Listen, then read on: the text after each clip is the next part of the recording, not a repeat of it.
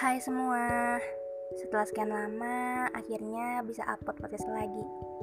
Maaf banget ya, karena banyak kendala jadi baru bisa upload lagi. Jadi di sini gue bakal ngomongin tentang gimana sih masa setelah SMA. Menurut gue pribadi, masa setelah SMA itu masa di mana kita masuk ke kehidupan yang sebenarnya sih kita jadi mulai memilih jalan kita masing-masing. Mulai sibuk dengan tujuan kita masing-masing. Ada yang milih langsung kuliah, ada yang kuliah sekedar kuliah, padahal sama sekali nggak suka sama jurusannya. Ada juga yang terpaksa kuliah karena kemauan orang tuanya.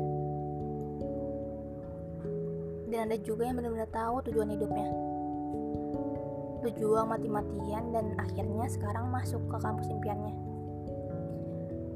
Ya, di balik itu semua, sebenarnya masa kuliah itu lebih susah sih daripada masa SMA. Kita dilatih lebih mandiri. Ngurus apa pun itu sendiri. Lebih ke individual sih. Dan waktu paling ngaruh banget. Lo harus pinter-pinter ngatur waktu lo. Waktu buat belajar, waktu buat lo main sama temen lo? Kalau SMA kan jelas ya pulang jam berapa belajar jam berapa. Kalau kuliah itu ya sebebas itu kadang jadwal lo pagi kadang siang. Ya nggak jelas lah. Temen gue juga sebagian yang lain ada yang milih langsung kerja. Ada juga yang milih year kayak gue. Sebenarnya menunda kuliah itu nggak segampang yang kita bayangin harus siap sama pandangan orang-orang waktu ditanya, "Kapan kuliah?" "Sekarang kuliah di mana?" "Kok belum kuliah?" Kadang gue juga nahan kecewa kalau ngeliat orang lain yang lebih berhasil daripada gue. Tapi ya mau gimana pun harus tetap optimis kalau gue bisa kuliah. Walaupun kenyataannya keadaan lagi susah.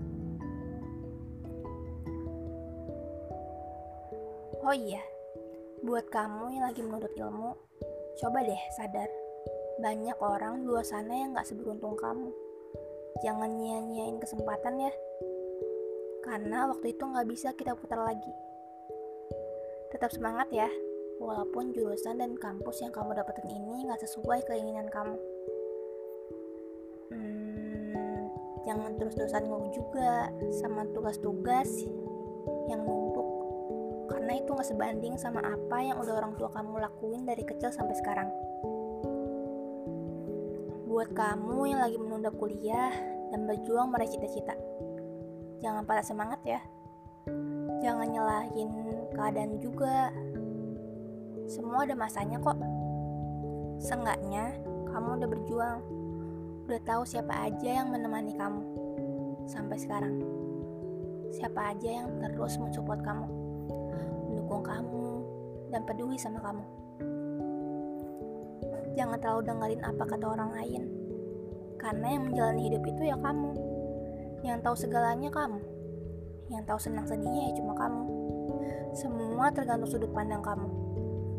Apa pun yang lagi kita hadapin sekarang ini, coba deh buat bersyukur dan jadiin semua itu buat buat pelajaran. Semuanya tergantung kamu kok cara kamu ngadepinnya itu gimana?